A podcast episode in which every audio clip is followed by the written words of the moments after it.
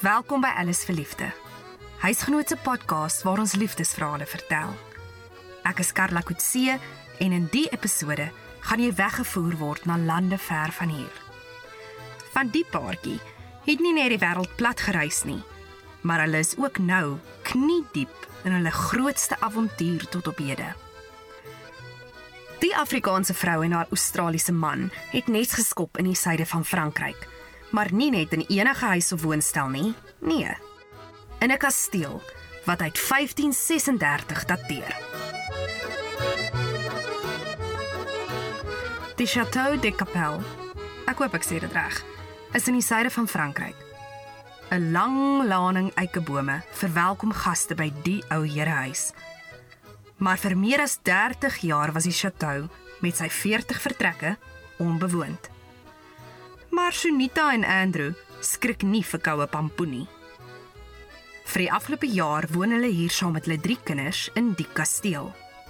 Wel, tegnies in 'n woonstel langs die chateau, want die drie verdieping kasteel is nog onbewoonbaar. Maar die egpaar sê hulle floreer. Al is daar talle uitdagings.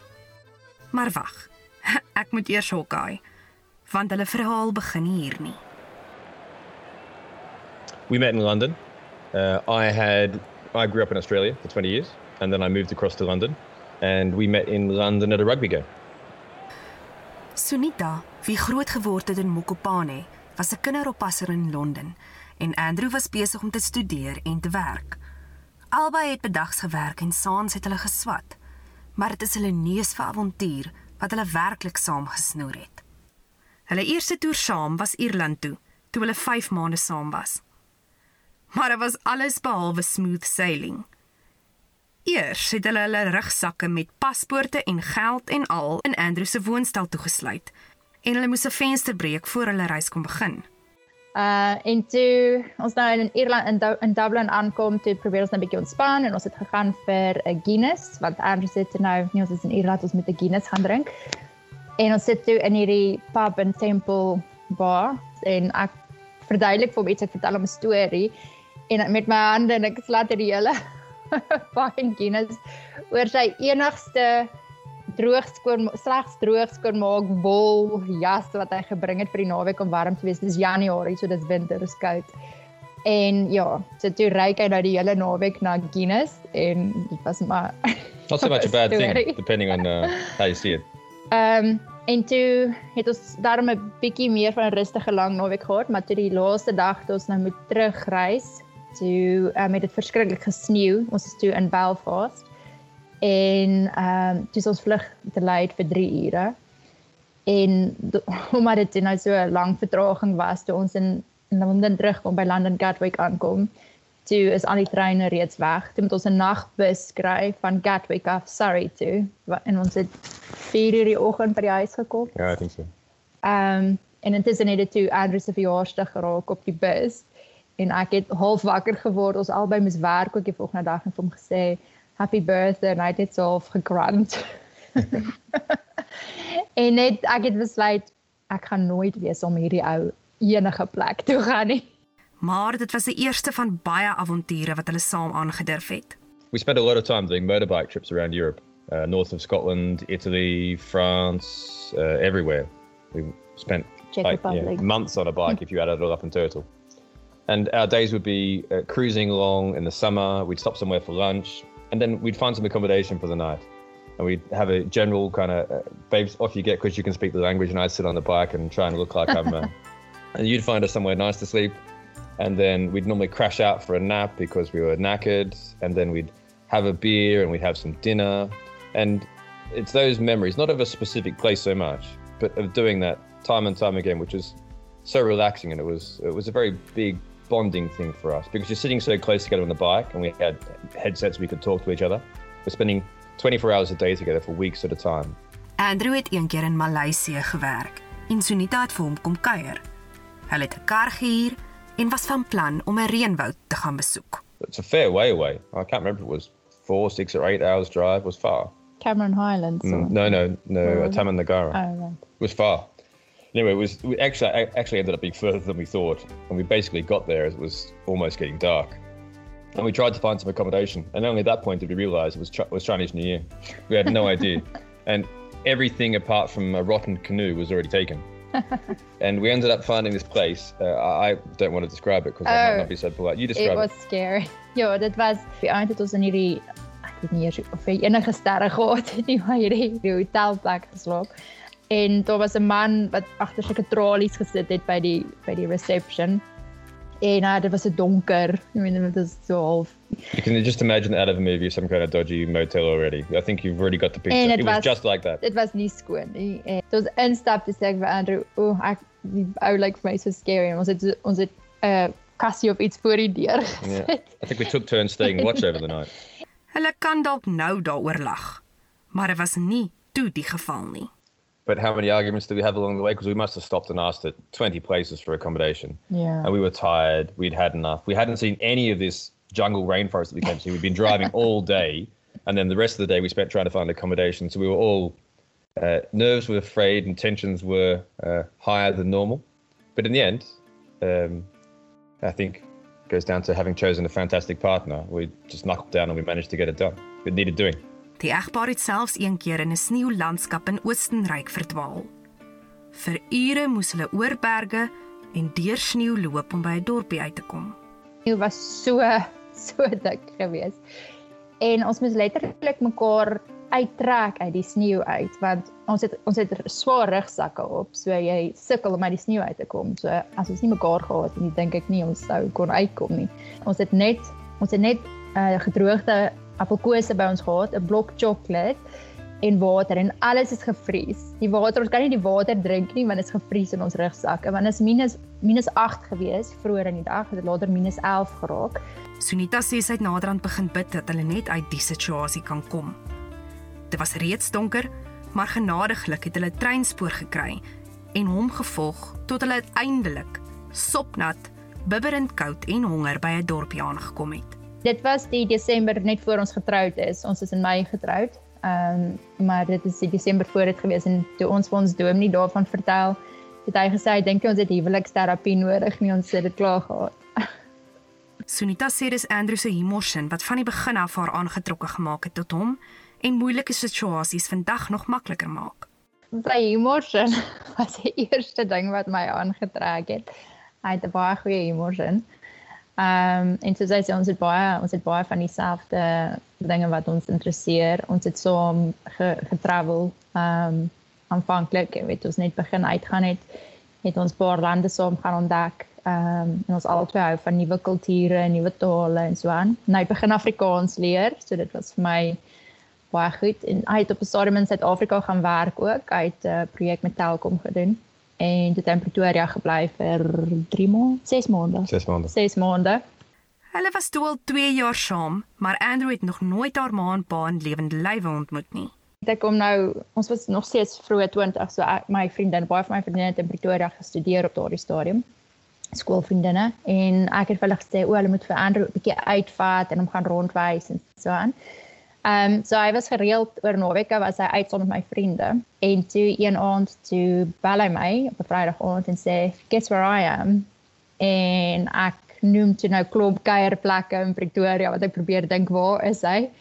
En hy sê no no I'm with your parents. Andrew het Palaborwa toe gery. Sunita se ma het in die tussentyd soontoe getrek.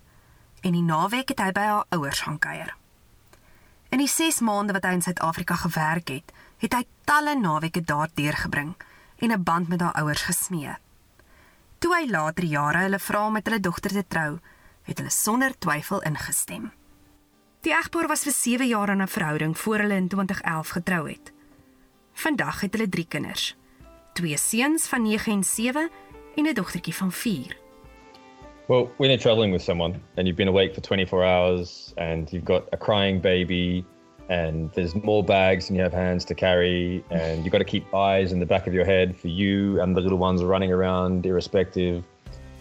And the other person is tired and um, sometimes more grumpy. It, it makes you really want to you have to be doing things more than for just yourself.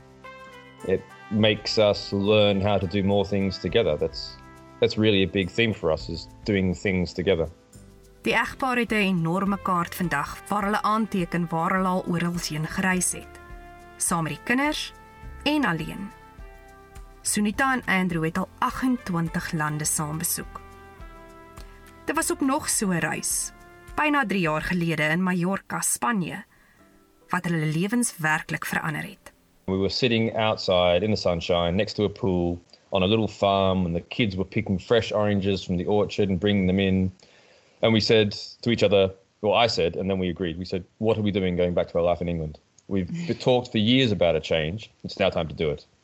Uh, our, we grew up as outside people in the Southern Hemisphere, and we want more of that for our children. We don't want them to grow up inside with rain in England.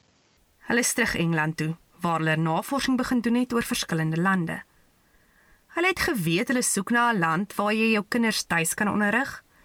Hulle wou naby 'n internasionale lughawe wees. Hulle wou berge kon sien.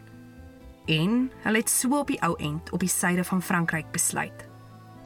Eh uh, die eerste eerste trip het ons 15 huise gesien. Oh. En dit het ons nie gekry wat ons gesoek het nie. Dit het ons later teruggekom.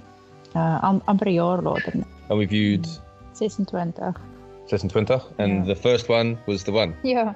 Ons het ons het ons het hierdie plek, die was die eerste wat ons gesien het op daardie tweede ehm um, reis, maar ons het nie ons het gedink nee, dit het te veel werk nodig en ons kan dit nie doen nie en ons ken niemand nie en ons praat nog nie taal nie en so ons het gedink nee, dis nie 'n opsie nie. So ons het aanhou soek.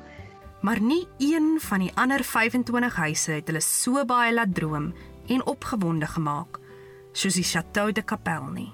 Andrew sê hy dink al hulle reise het hulle voorberei vir hulle grootste avontuur nog.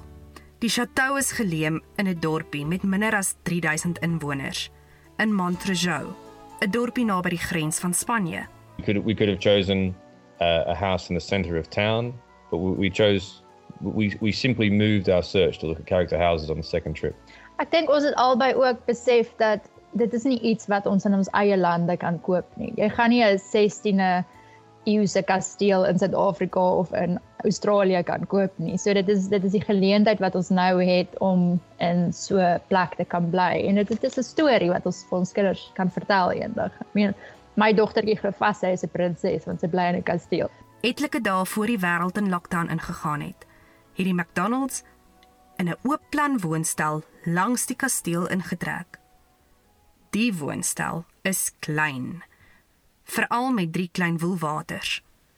Maar hulle was opgewonde oor hulle nuwe huis en hulle nuwe begin.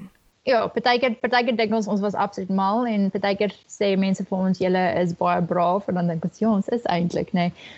Maar ehm um, ons doen van die werk onsself met die maklike goeders. Ons is nie regtig bitterhandige mense nie. Ons kan skoonmaak en ons kan muurpapier stroop en weet ons kan verf. Verf, ja, ons kan ons kan die tipe goeders doen, maar goeders wat meer uh, structural is, kry soos om nou die nuwe vloere te lê wat nie lê op die oomblik is. Ehm um, ons kry mense in om ons te help. Daar is vakmanne wat ons inbring, maar hulle is maar skaars. Die chateau se hoekstene is in 1536 neergelê en is aanvanklik as 'n plek van afsondering vir malaatses gebruik die 1700s het dit die tuiste van Baron de Souvon geword wat hy was 'n hy was 'n persoonlike leiwag vir ehm um, koning Louis XVI met briewe wat ons ontdek het in die huis um ou briewe wat uit die, wat in die 1700s geskryf is. Van wat ons kan sien van die briewe het hy bedank. Um hy sê een of ander bevordering gekry het wat toe nie gebeur het nie en dit het toe nie gebeur nie. Hy het toe uit die diens uit van die koning voor die revolusie wat miskien 'n goeie ding was vir hom. In die laat 1800s was dit die tuiste van vier susters, dit um die the Sario sisters weet nie wat die storie met hulle nie. Dit lyk of hulle nie getroud was of iets nie, ons is nie seker nie. En tydens die Eerste Wêreldoorlog was dit 'n tydelike hospitaal gewees. Daar is name uitgekerf in die kombuis op die kombuismuur, um, name met datums tussen 1910 en 1914. Maar hulle weet nie of dit die name van pasiënte of van mediese personeel is nie. Some wallpaper in the hallway that Sunita likes, and underneath the wallpaper there's some uh, newspaper in preparing the wall, and yeah. it says 1853, 1893. As mens so luister na Sonita en Andrew se stories, is dit duidelik albei van hulle word kinderlik opgewonde as hulle oor hulle nuutste avontuur praat. Andrew raak liries oor die nalatenskap en herinneringe wat hulle saam met hulle kinders bou. Sunita vertel opgewonde oor skatte wat hulle in al in die huis en tuin gevind het, soos die Napoleon muntstuk wat een van die seuns tussen vloerplanke ontdek het, 'n bottel cassis of likeur wat steeds geseël is uit die 60s, of 'n onderbaadjie wat uit die 1800s heet. Maar hulle bieg. Die afgelope jaar was ook moeilik.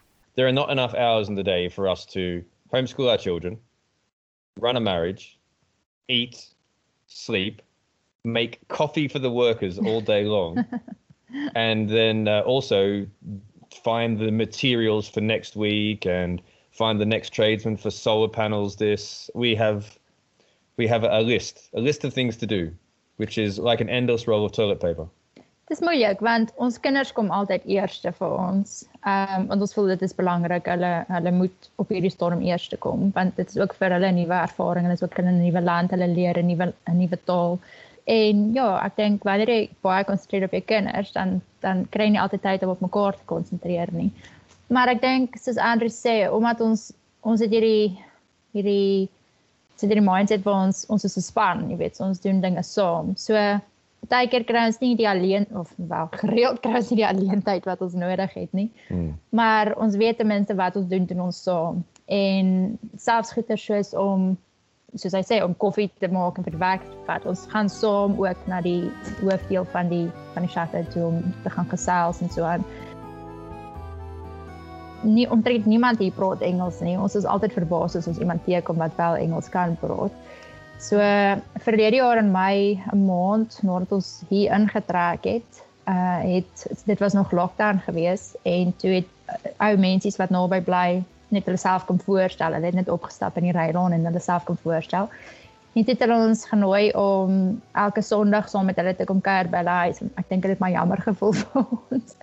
En dan het ons nou elke Sondagmiddag by hulle gaan iets eet en hulle het net Frans gepraat. So dat ons daar gesit met fone en so aan om te probeer translations doen en te, jy weet as ons iets nie verstaan het nie. Maar dit gaan al beter.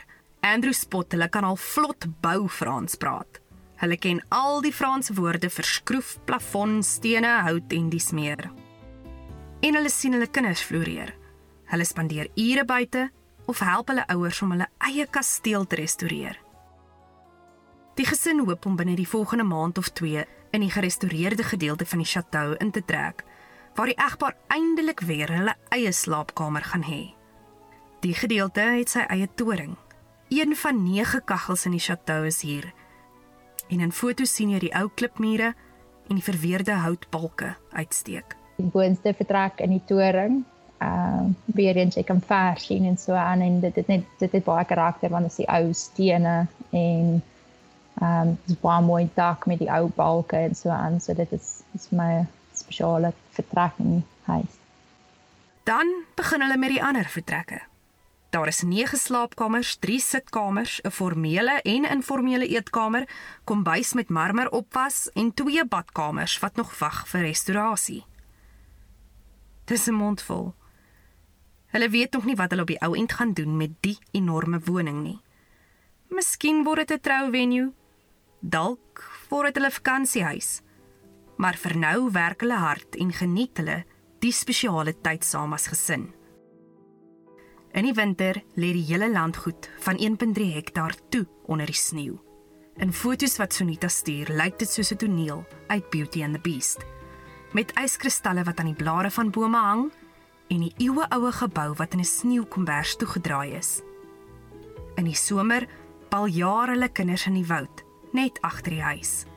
Swem in hulle eie meer en ontdek hulle talle skatte wat deur vorige eienaars daar gelos is. So I think I appreciate most her patience.